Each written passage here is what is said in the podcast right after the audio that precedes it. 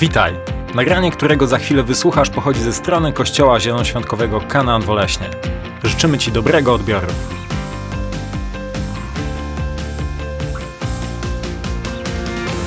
się z Wami nie witałem, to witam Was e, bardzo, bardzo, bardzo serdecznie. Mamy, mamy ciekawy dzień, niezwykły dzień. Mamy, świętujemy zmartwychwstanie Jezusa Chrystusa. To jest zawsze, zawsze niezwykła rzecz. I powiem Wam, świętować, świętować zmartwychwstanie Chrystusa, a żyć zmartwychwstaniem Chrystusa, to są dwie różne rzeczy. To są jakby dwie różne rzeczy. I, I, to, co mnie tak mocno, mocno gdzieś e, poruszyło, to jest to, że wielu, wielu ludzi, wielu chrześcijan, może tak, ludzie dzielą się na takie trzy kategorie. Na tych, którzy jeszcze nie doszli do momentu Wielkiego Piątku, jeszcze nie poddali swojego życia Jezusowi Chrystusowi i ciągle jakby nie pojednali się z Bogiem. To jest jakby pierwsza bardzo duża grupa ludzi. Druga grupa ludzi to już są chrześcijanie. To są chrześcijanie, którzy doświadczyli mocy krzyża, doświadczyli przebaczenia grzechów, do, do, doświadczyli tego, że Bóg im totalnie przebaczył. I trzecia grupa ludzi to jest najmniejsza grupa ludzi. To są ci, którzy żyją mocą zmartwychwstania Chrystusa. Trzy grupy ludzi. Ja mam wrażenie, że zdecydowana większość Zdecydowana większość chrześcijan żyje w mentalności wielkopiątkowej cały czas. Chrystus na krzyżu Wielki Piątek rozprawił się z naszym grzechem. Chrystus na krzyżu rozprawił się ze śmiercią. Chrystus na krzyżu rozprawił się z chorobą. Chrystus na krzyżu rozprawił się z wszelkim zniewoleniem i wszelkim nałogiem. Chrystus na krzyżu, na krzyżu całkowicie obmył, oczyścił i przebaczył tym wszystkim, którzy przyszli do Niego, uklęknęli albo, albo dosłownie, albo w przenośni uklęknęli przed Jego krzyżem i pokutowali, przeprosili Boga za swoje grzechy i zaprosili Go do swojego życia. Ale Wielki Piątek to nie jest koniec. To jest początek. To jest niesamowicie istotne, żebyśmy zrozumieli, że Wielki Piątek to nie jest koniec, to jest początek. Diabeł myślał, że to jest koniec. On myślał, że to jest koniec. Chrystus został ukrzyżowany. Później jest sobota, Chrystus został złożony w grobie. I całe piekło nie spodziewało się tego, co wydarzyło się w niedzielę. Ale w niedzielę Chrystus zmartwychwstał. W niedzielę Chrystus zmartwychwstał i apostoł Paweł w pierwszym liście do Koryntian w 15 rozdziale, kiedy ten cały rozdział jest poświęcony zmartwychwstaniu Chrystusa i naszym zmartwychwstaniu, mówi taką jedną znamienną rzecz. Jeśli Chrystus nie zmartwychwstał, daremna jest nasza wiara. Nie możemy żyć ciągle w mentalności Wielkiego Piątku. Chrześcijaństwo to jest chrześcijaństwo Wielkiej Niedzieli. To jest chrześcijaństwo, gdzie zaczynamy żyć totalnie nowym życiem. Zaczynamy żyć nowym życiem. Powiem Ci tak, przebaczenie grzechów, które Chrystus Ci oferuje, to nie jest koniec. To jest początek. To jest początek czegoś niezwykłego. To jest początek nowego życia. I Ewangelia Mateusza, 28 rozdział, wersety od 16 do 20. Biblia mówi tak. Jeden, jeden, jedenastu uczniów udało się natomiast do Galilei, na górę, którą wskazał im Jezus. Gdy go zobaczyli, złożyli mu pokłon, i teraz posłuchajcie, choć niektórzy co? Ciągle wątpili. A Jezus, a Jezus podszedł i zwrócił się do nich w tych słowach. Otrzymałem wszelką władzę w niebie i na ziemi. Idźcie więc i pozyskujcie uczniów pośród wszystkich narodów Chrzcijcie ich w imię Ojca, Syna i Ducha Świętego i uczcie przestrzegać wszystkiego, co wam przykazałem. A oto ja jestem z wami przez wszystkie dni, aż po kres tego wieku. Niezwykłe jest to, że uczniowie Chrystusa myśleli, że to już jest jakby koniec. Chrystus został ukrzyżowany, to jest koniec. Nagle Chrystus zmartwychwstaje i daje im zadanie, którego rezultatem jesteś ty i ja. Chrystus daje zadanie swoim uczniom: idźcie na cały świat i głoście Ewangelię. Chrzcijcie w imię Ojca i Syna i Ducha Świętego i uczcie ich wszystkiego, co wam przykazałem. To jest początek. Zmartwychwstanie to jest początek. Wielka Niedziela to jest początek.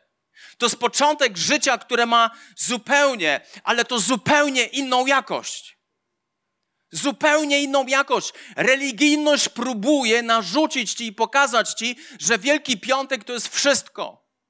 Bo bez Wielkiego Piątku nie ma Wielkiej Niedzieli. To jest fakt. Natomiast nie może być Wielkiej Niedzieli, nie może być nowego życia bez Wielkiego Piątku. To jest niesamowicie istotne, że nastąpił Wielki Piątek. Chrystus został krzyżowany i krzyż ciągle jest mocą Bożą, aby nas przemieniać i zmieniać. Ale nie możesz żyć ciągle w mentalności, że masz przebaczone, że masz przebaczone, grzeszysz, wyznajesz grzech, przebaczenie, przebaczenie. Ty nie masz żyć w taki sposób, ty masz żyć mentalnością nowego życia. Ty masz żyć mentalnością zmartwychwstałego Chrystusa. Nie mentalnością Chrystusa, który umarł. Zauważcie, że w naszym kraju Chrystus ciągle wisi na krzyżu.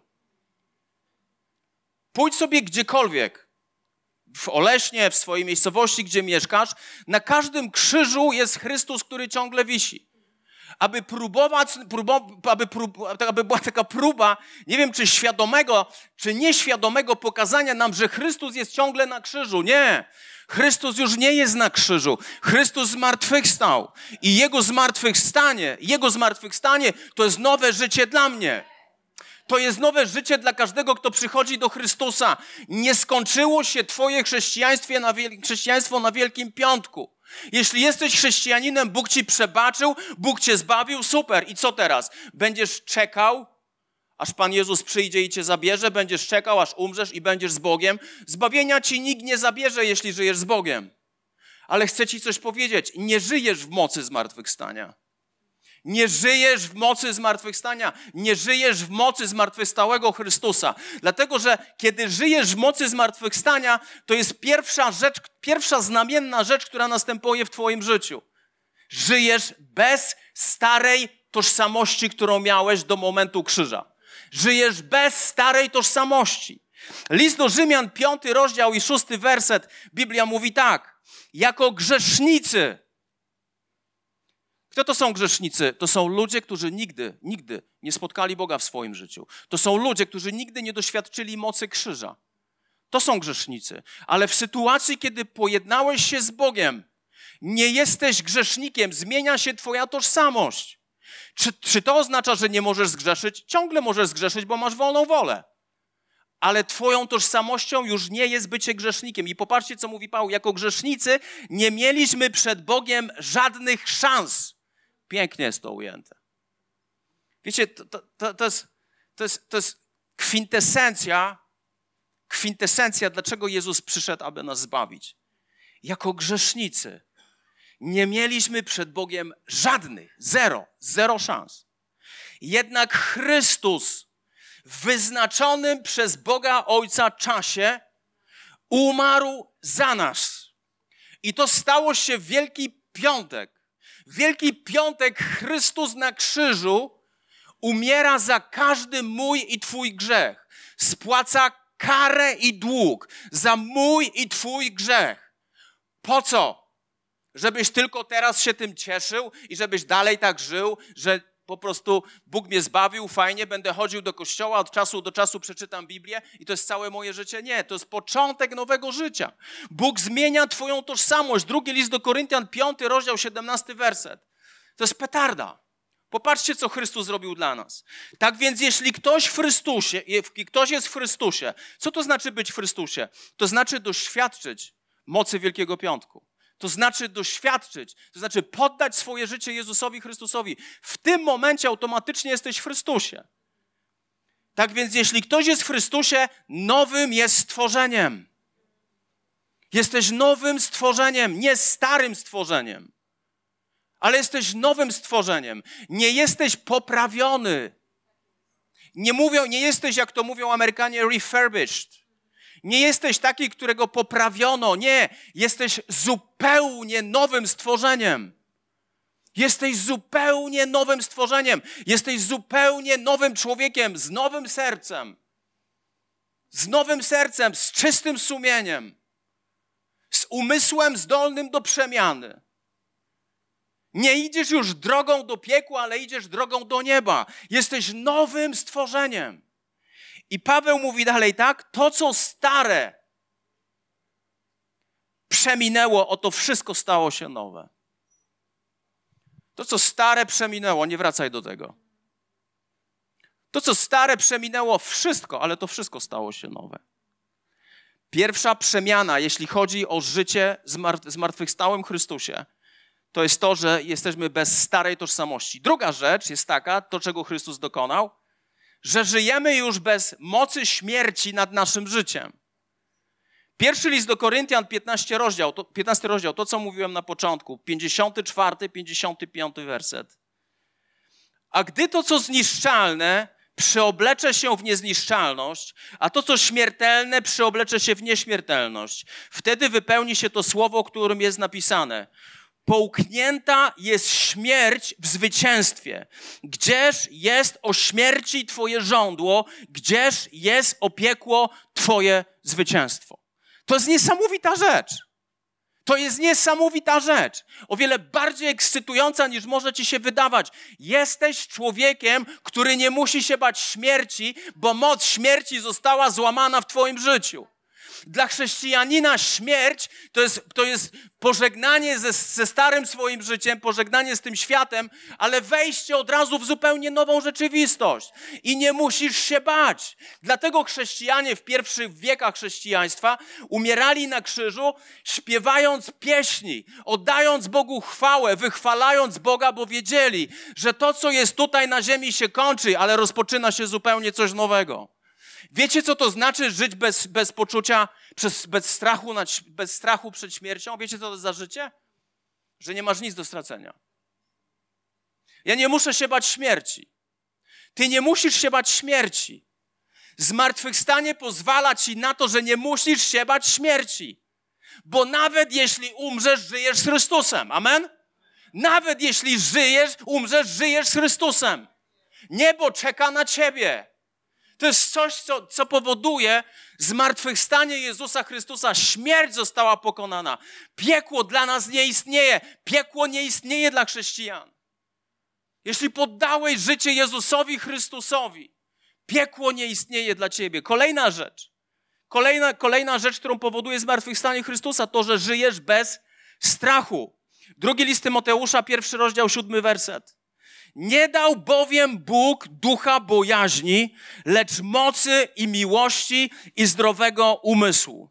Bóg nie daje nam ducha bojaźni. Bóg daje nam ducha mocy, Bóg daje nam ducha miłości i Bóg daje nam ducha trzeźwego myślenia.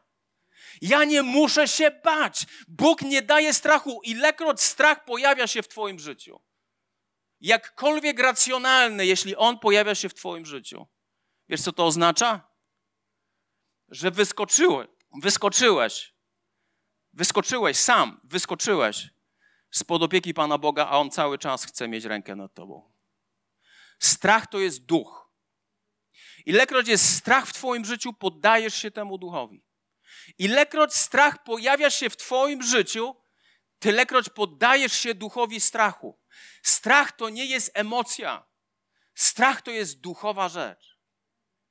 Strach to jest duchowa rzecz. Nie wiem, jaki jest strach w Twoim życiu, ale jakikolwiek strach jest w Twoim życiu, on nie pochodzi od Boga. Bo Bóg nie daje nam ducha strachu. Bóg daje nam ducha miłości. Co to oznacza, że Bóg daje nam ducha miłości? Pierwszy list Jana, czwarty rozdział, osiemnasty werset. W miłości nie ma lęku ale doskonała miłość usuwa lęk, bo lęk przynosi udrękę, a kto się boi, jest niedoskonały w miłości. Co to oznacza? Że Bóg kocha mnie i ciebie w doskonały sposób. Jeśli czujesz się kochany przez Boga, wszelki lęk jest usunięty z Twojego życia. Jeśli, jeśli masz świadomość, że Bóg Ciebie kocha, I nie da się ciebie już kochać bardziej. Bóg kocha miłością, że nie może być bardziej. Bóg kocha cię miłością, która jest w stu procentach. W pełna, to jest pełna Jego miłość. Jeśli ja mam świadomość, że On mnie kocha, mogę odpoczywać. Nie muszę się bać. Nie muszę się bać. Nie muszę się bać tego, co jest przede mną. Nie muszę się bać tego, w czym jestem teraz. Nie muszę się bać śmierci. Nie muszę się bać choroby. Nie muszę się bać żadnego zniewolenia. Nie muszę się bać żadnego nieszczęścia, bo Jego miłość usunęła wszelki lęk z mojego życia. Ta miłość mi mówi, synu, cokolwiek się nie wydarzy w Twoim życiu, ja jestem z Tobą. Cokolwiek się nie wydarzy, ja jestem z Tobą. Kolejna rzecz, którą powoduje zmartwychwstanie, to jest to, że żyjesz bez potępienia. Ewangelia Jana, 21 rozdział, wersety od 15 do 17. Znana historia. Apostoł Piotr bez dwóch zdań był jedne, jednym z kluczowych ludzi z uczniów Jezusa Chrystusa. Był apostoł Piotr, Jan i Jakub. I Chrystus miał wielkie plany odnośnie Piotra. Miał wielkie plany odnośnie Piotra.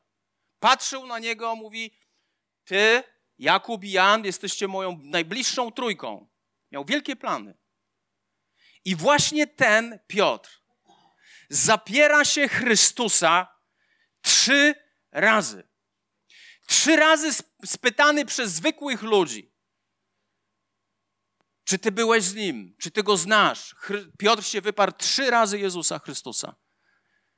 Zapomnijmy trochę o wyparciu się Piotra przez Jezusa Chrystusa. Pomyśl o tym przez perspektywę grzechu.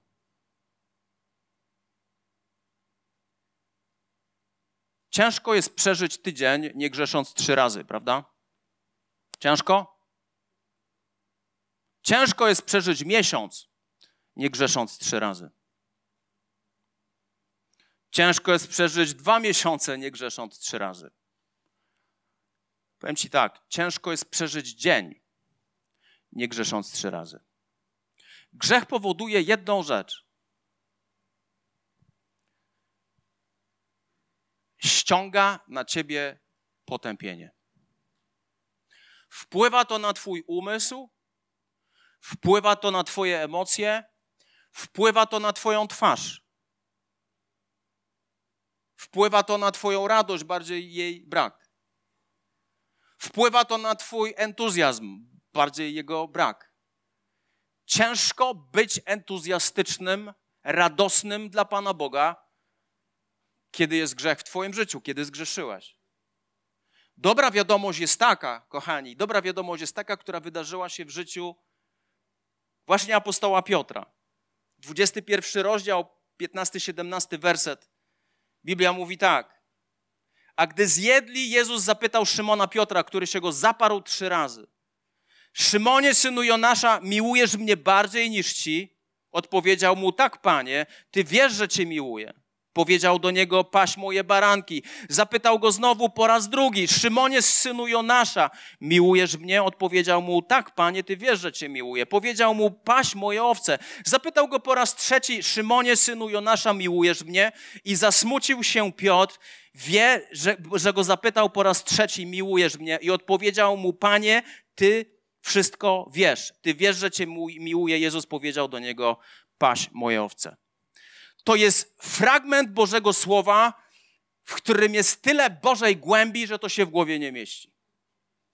To jest fragment Bożego Słowa, kiedy przychodzi zbity człowiek, który zaparł się Chrystusa, który zgrzeszył przeciwko Chrystusowi, którego on znał cieleśnie. On chodził z Chrystusem, on był z Chrystusem, oni sobie rozmawiali, oni mogli się razem śmiać.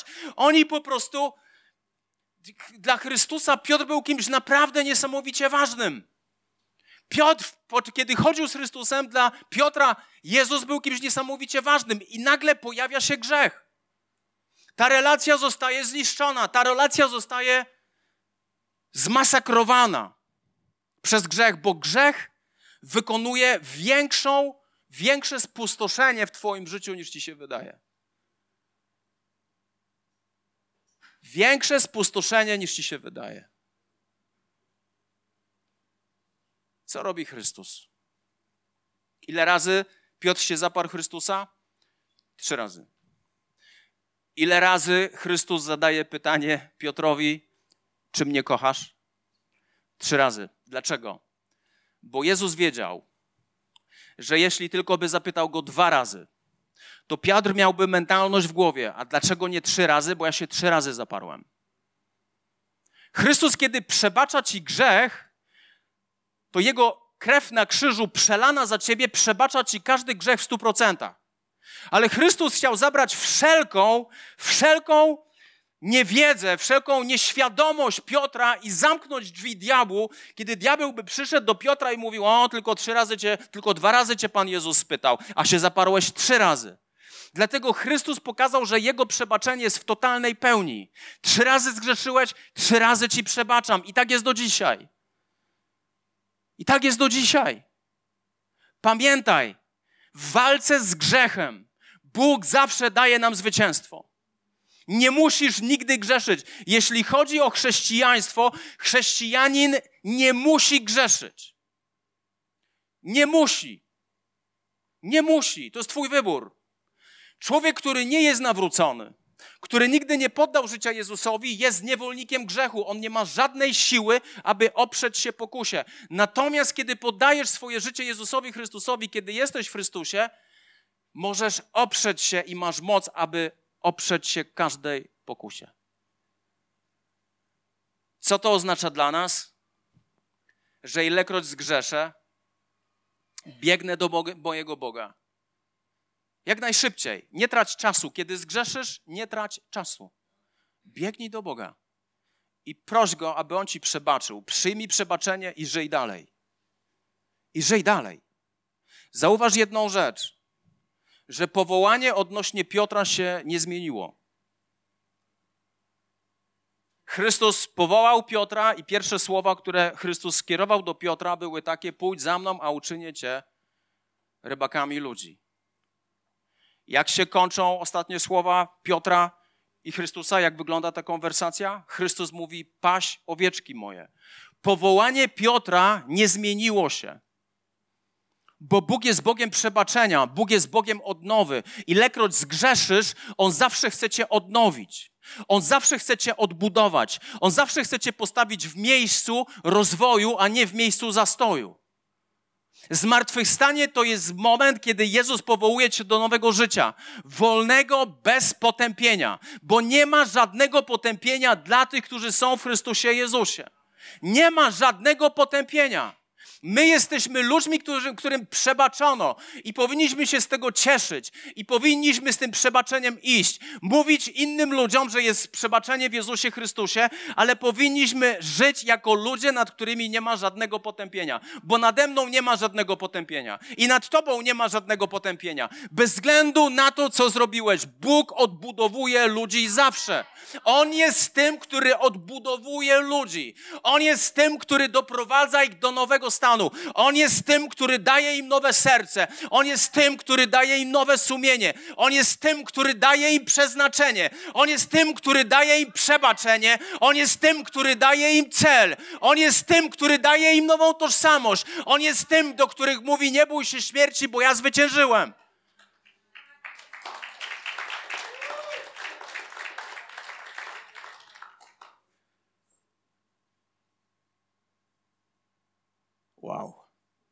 Jaki entuzjazm. Naprawdę. To jest niezwykłe. Kolejna rzecz, która spowodowało, które powoduje życie w mocy zmartwychwstania Chrystusa. To jest niezwykłe. To jest to, że żyjemy bez mocy grzechu nad nami. Drugi list do Koryntian, drugi rozdział, wersety od 14 do 16. Jest taka chrześcijańska litania, która nazywa się Ja zgrzeszyłem, bo musiałem. To jest totalnie niebiblijne, to jest totalnie antychrystusowe, to jest totalnie, to jest twoje myślenie. Ty nie grzeszysz, bo musiałeś, ty grzeszysz jako chrześcijanin, bo chciałeś. Bo chciałeś. Drugi list do Koryntian, drugi rozdział, werset od 14 do 16, Biblia mówi tak. lecz dzięki Bogu, który nam zawsze daje zwycięstwo w Chrystusie. Jak często Bóg nam daje zwycięstwo w Chrystusie? Od czasu do czasu? Czasami? Czasami Bóg, dzięki Bogu, czasami Chrystus daje nam zwycięstwo. Nie! Chrystus zawsze daje nam zwycięstwo. Chrystus zawsze daje nam zwycięstwo. Czasami zajmuje to krócej, czasami dłużej, ale ja jestem dowodem tego, że Chrystus zawsze daje zwycięstwo. Bo kiedy poddałem swoje życie Jezusowi Chrystusowi, było mnóstwo, mnóstwo rzeczy, które Chrystus musiał naprawić.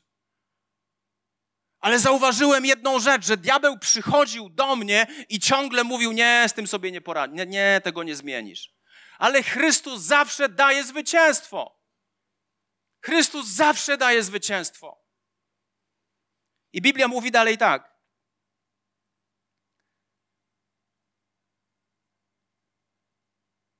I, I roznosi przez nas wąć swojego poznania w każdym miejscu. Jesteśmy bowiem dla Boga przyjemną wonią Chrystusa wśród tych, którzy są zbawieni i wśród tych, którzy giną. Dla jednych wonią śmierci ku śmierci, a dla drugich wonią życia ku życiu, lecz do tego, któż jest zdatny. Moje życie i Twoje życie powinno być konfrontacją. Ono powinno być konfrontacją. Zobaczcie, co mówi Chrystus. Jesteśmy dla Boga przyjemną wonią Chrystusa wśród tych, którzy są zbawieni. I wśród tych, którzy giną. Dla jednych jest to woń śmierci ku śmierci. Jeśli, jeśli, nie, jeśli spotykasz się z ludźmi, jeśli masz relacje z ludźmi, którzy nie znają Jezusa Chrystusa, to Twoje życie powinno być konfrontacją. Twoje życie powinno być konfrontacją. Twoje życie nie powinno być kompromitacją, ale Twoje życie powinno być konfrontacją. My mamy się wyróżniać, bo my mamy tożsamość, aby się wyróżniać. Bóg zmienił naszą tożsamość i moja tożsamość mówi mi, że ja nie mogę tak żyć, ja nie chcę tak żyć i mam moc, aby tak nie żyć. Ta moc pochodzi z tego, że Chrystus zmartwychwstał. Moje życie ma być konfrontacją. Moje życie ma być miłą wonią. Moje życie ma być zachętą dla tych, którzy idą za Chrystusem, aby, aby moje życie powodowało, że inni też są i za Jezusem. Czy Twoje życie jest konfrontacją? Czy ludzie patrząc na Twoje życie mówią: Chcę, chcę takiego Boga, jakiego On ma, jakiego ona, ja chcę tak żyć. Ja chcę tak uwielbiać Boga, jak On uwielbia, jak ona uwielbia. Ja chcę tak żyć z Bogiem, jak On i ona. Ja chcę być taki hojny, jak On i ona. Ja chcę być takim człowiekiem. Ja chcę być. Bądź konfrontacją. Wiecie, żeby się dopasować do tego, co jest, to nic nie rób. Jeśli nie będziesz nic robił, automatycznie się dostosowujesz do tego, co cię otacza. Ale żeby być konfrontacją, to jest Twoje przeznaczenie, to jest Twoja tożsamość, być konfrontacją, być miłą wonią Chrystusa. Bo zauważyłem jedną rzecz. Ludzie, którzy przechodzą przez problemy, nie idą do innych, którzy przechodzą przez problemy, ale idą do tych ludzi, prosząc o pomoc, gdzie widzą zwycięstwo, gdzie widzą inność, gdzie widzą zupełnie, ale to zupełnie coś innego. Ja chcę, żeby moje życie konfrontowało. Ja chcę, żeby moje życie konfrontowało. Ja chcę, żeby moje cele konfrontowały. Ja chcę, żeby moje wartości konfrontowały. Żeby moja hojność konfrontowała. Żeby moja uprzejmość konfrontowała. Żeby moja łaska konfrontowała. Żeby miłosierdzie, które daje mi Bóg, które ja przerzucam dalej, aby to konfrontowało. Nie rób nic, aby się dopasować do reszty. Nie musisz robić totalnie nic, ale Chrystus nie powołał cię do tego, abyś szedł za tłumem. Moc zmartwychwstania Chrystusa pokazuje również jedną rzecz, i to jest największe oszustwo od diabła. Wielu chrześcijan myśli, że diabeł ciągle panuje nad Twoim życiem. Wielu chrześcijan tak myśli. Wielu chrześcijan nadaje więcej mocy diabłu, niż on de facto ma. na krzyżu wszelka moc ciemności, wszelka zwierzchność, cokolwiek byś nie wymyślił, zostało to rozbrojone przez Jezusa Chrystusa. To zostało rozbrojone przez Jezusa Chrystusa. Zostało rozbrojone przez Jezusa Chrystusa. W jaki sposób diabeł atakuje chrześcijan? Bardzo prosty. Tylko wierz w jego słowo. Wierz w to, co diabeł mówi. Jesteś beznadziejny. Tak, jestem beznadziejny. Upadłeś, jestem skończonym grzesznikiem. Nie ma już dla mnie nadziei. Tak, tak, nie ma. To, komu wierzysz, determinuje jakość Twojego życia. Diabeł może tylko chodzić dookoła ciebie jak lew ryczący, krzyczeć kłamstwami, krzyczeć różnego rodzaju rzeczami, krzyczeć pesymizmem, krzyczeć oskarżeniem, krzyczeć potępieniem i to wszystko ma jakąś logikę. Ale ponad ludzką logiką jest Boże Królestwo, jest prawda Bożego Słowa. Prawda Bożego Słowa wychodzi poza ludzką logikę. Prawda Bożego Słowa wychodzi po, ponad to, co wydaje się Tobie być logiczne. Ewangelia Mateusza, 28 rozdział, 18 werset. Wtedy Jezus podszedł i powiedział do nich, do swoich uczniów: Dana mi jest wszelka władza na niebie i na ziemi. Chrystus mówi, posłuchajcie, dana mi jest wszelka władza na ziemi i na niebie. Jeśli Chrystus ma całą władzę, to ile władzy ma diabeł? Zero. W jaki sposób diabeł może panować nad Twoim życiem? Jeśli otworzysz mu drzwi. Diabeł panuje tylko i wyłącznie nad Twoim życiem, kiedy otworzysz mu drzwi. Jak otworzyć drzwi diabłu? Grzech. Jak otworzyć drzwi, drzwi diabłu? Nieprzebaczenie. Otwierasz drzwi diabłu. Jak otworzyć drzwi diabłu? Bunt. Jak otworzyć drzwi diabłu? Jakikolwiek grzech otwiera drzwi diabłu. Jakikolwiek grzech otwiera drzwi diabłu. A Jezus mówi: Dana mi jest wszelka władza. Dana mi jest wszelka władza. Na niebie i na ziemi. Diabeł jej nie ma w ogóle. Co to powoduje? Że ja mogę żyć w zwycięstwie. Że ja mogę stąpać pewnym krokiem po planecie Ziemia. Że mogę stąpać pewnym krokiem po planecie Ziemia że mogę chodzić pewny tego, że Jezus Chrystus mnie zbawił, że nie ma dla mnie potępienia. I mogę chodzić pewny tego, że Chrystus, Chrystus, kiedy mnie wysłał, to dał mi swoją moc, a On ma wszelką moc i w autorytecie Jezusa Chrystusa z Nazaretu jest potężny, ale to potężna moc i władza potężna moc i potężna władza. Rzymian 8 rozdział 11 werset.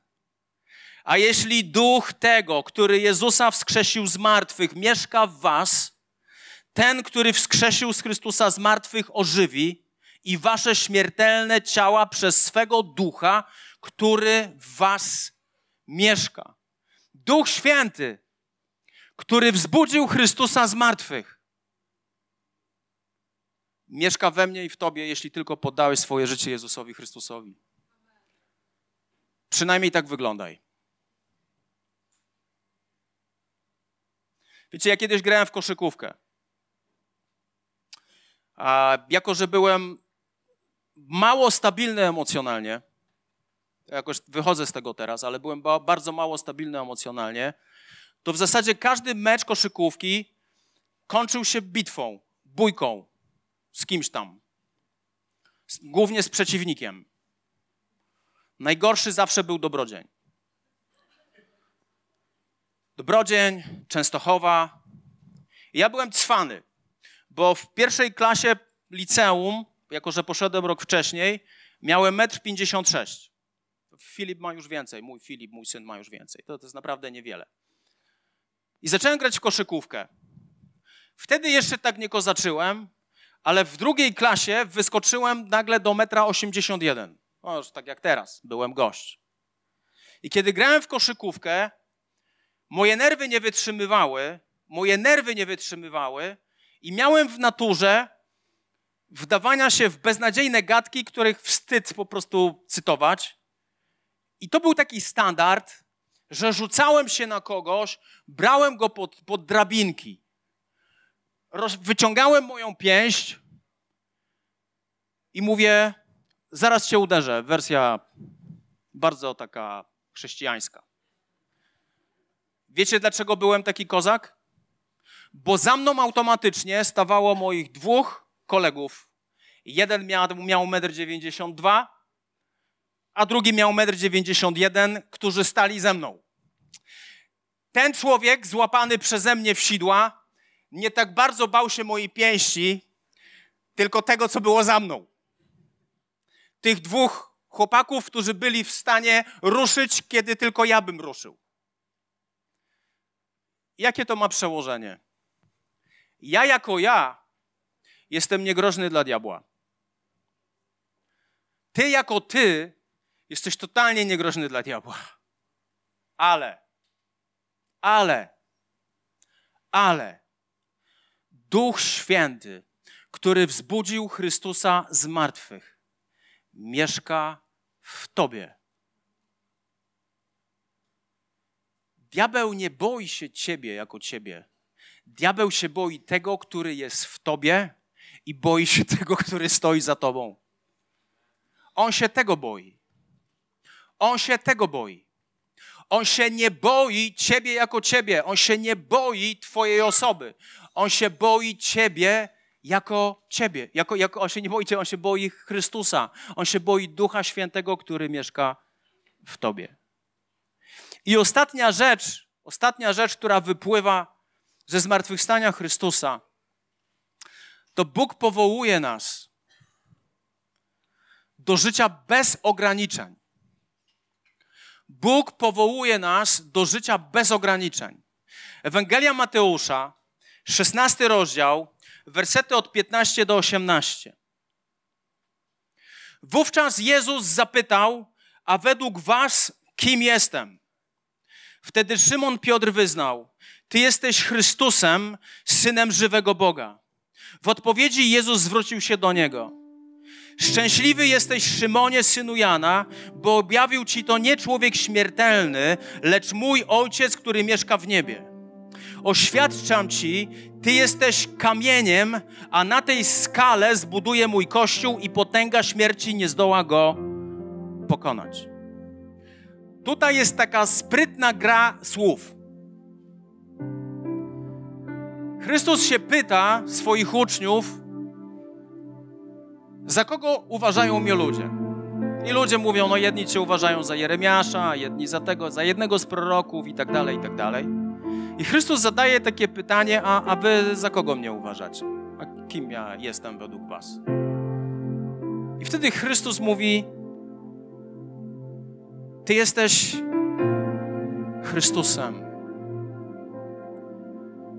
Ty jesteś synem żywego Boga. Ty jesteś Mesjaszem.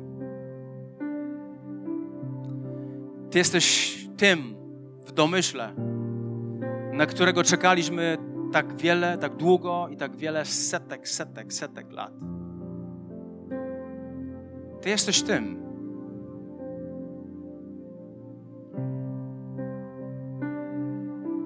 W tym momencie Chrystus mówi: Błogosławiony jesteś, Szymonie. Bo objawił ci to nie człowiek śmiertelny, lecz mój ojciec, który mieszka w niebie. Oświadczam, oświadczam ci, że ty jesteś kamieniem, a na tej skale zbuduję mój kościół i potęga śmierci nie zdoła go pokonać. W języku greckim jest powiedziane: Powiadam ci, Szymonie, ty jesteś kto? Petros. Ty jesteś po Petros. Piotr pochodzi od słowa Petros. Ty jesteś Petros. A Petros w języku greckim oznacza osobno leżący mały kamyk. To jest Petros.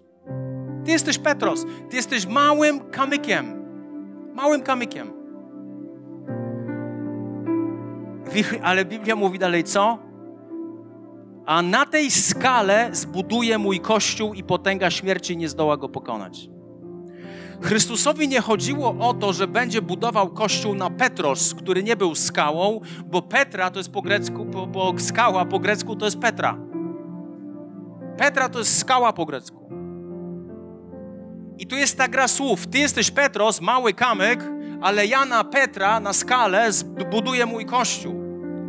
Chrystusowi nie chodziło o tym, że kościół będzie budowany na Piotrze, ale kościół będzie budowany na wyznaniu Piotra. Że Ty jesteś Chrystusem, Ty jesteś synem Boga żywego. Gdyby kościół miał być budowany na, na Piotrze, to ten Piotr w liście do Galacjan popełnia kolejny błąd popełnia kolejny błąd, kiedy Piotr przed Pawłem zachowuje się w obłudny sposób. Kiedy jest poganami, ale kiedy pojawia się Paweł, Piotr udaje, że on nie zna tych pogan. On z nimi przestaje jeść, zachowuje się okropnie. Kościół nie jest budowany na żadnym człowieku. Kościół jest budowany na wyznaniu, że Jezus jest Mesjaszem, że Jezus jest Synem Boga Żywego. To jest ta potężna różnica. Kościół, który przyszedł budować Chrystus, to jest kościół, który jest dla pogan. Co to znaczy dla pogan? To znaczy dla mnie i dla ciebie. Nie poganie to byli tylko Żydzi. Ale ja jestem klasycznym poganinem. Jestem Słowianinem. Moi przodkowie wielbili mściwuja. Moi przodkowie wielbili Boga wiatru i wody. Ja nie mam się czym szczycić, moje dziedzictwo jest tragiczne. Ale Chrystus przyszedł i otworzył drzwi dla pogan. Mój kościół jest dla pogan, mój kościół jest dla Polaków, mój kościół jest dla Ukrainy, mój kościół jest dla każdego, każdego narodu, który nie jest narodem wybranym. Co więcej, Biblia mówi: Mój kościół jest bez granic. Chrystus od samego początku, dwa tysiące lat temu, powiedział, abyśmy szli głosili Ewangelię aż do końca do końca czasu i aż, aż po wszystkie granice świata. Bez, nie ma, nie ma, nie ma, nie, nie ma kraju, który nie potrzebuje Ewangelii. Nie ma ludzi, którzy nie potrzebują Ewangelii. Chrystus kazał nam pójść i głosić. Kolejna rzecz. Ten kościół, który jest budowany przez Chrystusa, to jest kościół pełen mocy. Że żadna demoniczna moc nie jest w stanie znieść obecności Ducha Świętego. Nie jest w stanie znieść obecności Ducha Świętego. To nie jest Kościół pozbawiony mocy. Ko Kościół Jezusa Chrystusa to nie jest grupa wsparcia, to nie jest grupa charytatywna. Kościół Jezusa Chrystusa wypełnia tę rolę, ale Kościół Jezusa Chrystusa przede wszystkim jest Kościołem pełnym Bożej mocy. pełnym Bożej mocy. I ostatnia rzecz odnośnie Kościoła, który buduje Chrystus, to jest Kościół, który ciągle zdobywa. Dzieje apostolskie, 28 rozdział, pierwszy werset. Jest opis końcówki życia apostoła Pawła. Paweł został opisany tak: głosząc Królestwo Boże i nauczając tego, co dotyczy Pana Jezusa Chrystusa, ze wszelką odwagą i bez przeszkód. Kościół Jezusa Chrystusa jest kościołem, dla którego nie ma rzeczy, której on nie byłby w stanie zwyciężyć, przezwyciężyć i odnieść potężne zwycięstwo na chwałę Jezusowi Chrystusowi. To jest Kościół Jezusa Chrystusa. To jest moc zmartwychwstania. Kochani, my nie jesteśmy ogonem. My jesteśmy głową. Ja nie zostałem powołany do tego, aby żyć w niewoli. Ja zostałem powołany i Ty też zostałeś powołany, aby żyć w zwycięstwie. Ewangelia Jezusa Chrystusa to jest zwycięstwo. Ewangelia Jezusa Chrystusa to jest przemiana życia, to jest nowa tożsamość, to jest zwycięstwo nad grzechem. Ewangelia Jezusa Chrystusa to jest pełne wyposażenie w Bożą moc, którą Bóg ci daje, aby iść i zwyciężać. Ja nie jestem, ja nie jestem ogonem, ja jestem głową. Bóg nie powołał mnie, aby moje życie było małe i znikome. I Bóg nie powołał cię, aby twoje życie było małe i znikome. Bóg powołał cię, abyś abyś z Chrystusem w mocy zmartwychwstałego Chrystusa i odnosił zwycięstwo.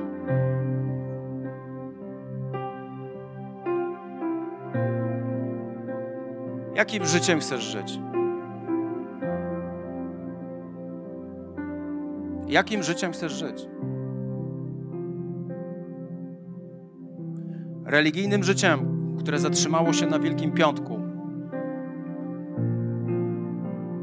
przepraszającym, przyjmującym przebaczenie i tak w kółko, i tak w kółko, i Twoje życie nie ma żadnego znaczenia. Czy chcesz żyć życiem pełnym zmartwychwstania? Ja postanowiłem w moim życiu, że nie chcę żyć tak jak Ty. Nie chcę żyć tak jak Ty.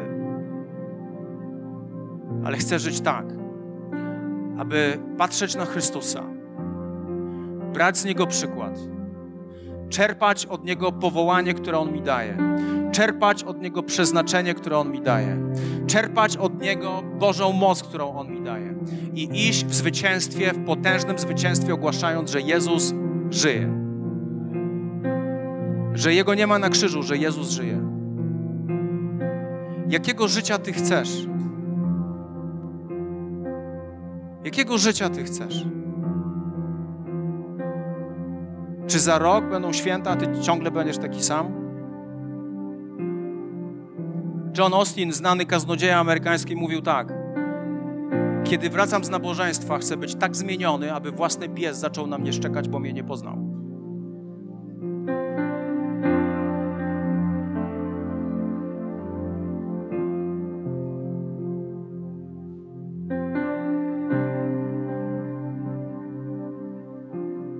Ani, ani, ani śmierć, ani aniołowie,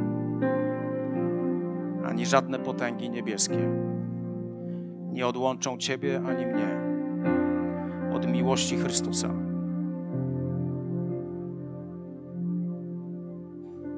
Bądźmy ludźmi, którzy żyją z mentalnością zmartwychwstałego Chrystusa.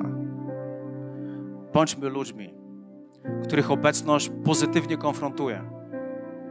Bądźmy ludźmi, których życie zachęca do życia z Bogiem. Bądźmy ludźmi, którzy gdziekolwiek się pojawiają, pojawia się zmiana. Bądźmy ludźmi, którzy ogłaszają jedną rzecz, że Jezus Chrystus żyje. Powstańmy, będziemy się modlić.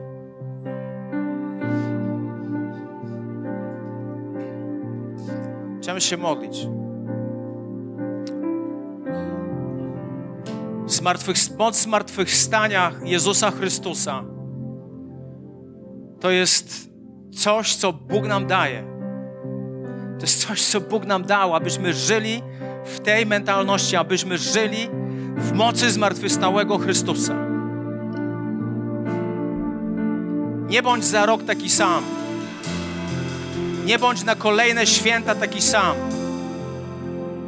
Niech Chrystus Cię zmienia i Ty rób wszystko, aby Twoje postępy były widoczne dla innych ludzi. Ty rób wszystko, aby Twoje postępy były widoczne dla innych ludzi. Chciejmy się modlić, aby Chrystus był uwielbiony. Zacznijmy się tak modlić, ale tak naprawdę modlić, modlić. Jakby Chrystus zmartwychwstał, jakby Duch Święty mieszkał w Tobie, jakby, aby, aby On dawał Ci siłę, aby On dawał Ci moc, abyśmy żyli w potężnej wolności i zwycięstwie. Panie, my chcemy Cię uwielbiać. Panie, my chcemy ogłaszać chwałę Twoją. Panie, bądź uwielbiony Jezu. Panie, bądź wywyższony Królu. Przyjmij chwałę i moc. Przyjmij chwałę i cześć. Panie, uwielbiamy Cię. Ja dziękuję Ci za to, Panie, że my nie jesteśmy, Panie, ogonem, ale Ty nas powołałeś, abyśmy szli i zwyciężali. Panie Jezu, ja modlę się, abyśmy żyli mocą zmartwychwstałego Chrystusa. Panie, niech będzie uwielbione Boże Twoje imię. Niech będzie wysławione Twoje imię. Bądź Jezu uwielbiony. Bądź Panie wychwalony, bądź Panie wywyższony. Oddaję Tobie chwałę i cześć, bo Ty jesteś naszym Bogiem. Panie, Ty zmartwychwstałeś, Ty żyjesz, Ty rozprawiłeś się z grzechem, Ty rozprawiłeś się z ciemnością, Ty rozprawiłeś się z potępieniem, Ty rozprawiłeś się z piekłem, Ty rozprawiłeś się ze zniewoleniem, Ty rozprawiłeś się z chorobą. Ty rozprawiłeś się, Panie, z wszelką beznadzieją. Ty i tylko Ty jesteś naszym Bogiem i ogłaszamy to, że Jezus Chrystus żyje. Niech Tobie będzie chwała, niech dla Ciebie będzie chwała, niech dla Ciebie będzie chwała i moc. Panie, bądź uwielbiony. Panie, bądź uwielbiony Duchu Święty. Panie, bądź wywyższony w imieniu Jezusa. Amen. Witaj ponownie. Dziękujemy za wysłuchanie tego nagrania i mamy nadzieję, że pomoże Ci ono zbliżyć się do Boga. Jeśli dziś podejmujesz decyzję o zaufaniu Jezusowi i uznaniu Go Twoim Zbawicielem, to chcemy Ci pogratulować. Modlimy się o Boże działanie w Twoim życiu i zapraszamy Cię serdecznie do Kanaanu, ponieważ wierzymy, że Kościół, czyli wspólnota wierzących ludzi, to najlepsze miejsce do wzrostu i rozwoju duchowego. Szczegóły dotyczące naszych spotkań znajdziesz na stronie www.kanan.pl oraz w naszych mediach społecznościowych.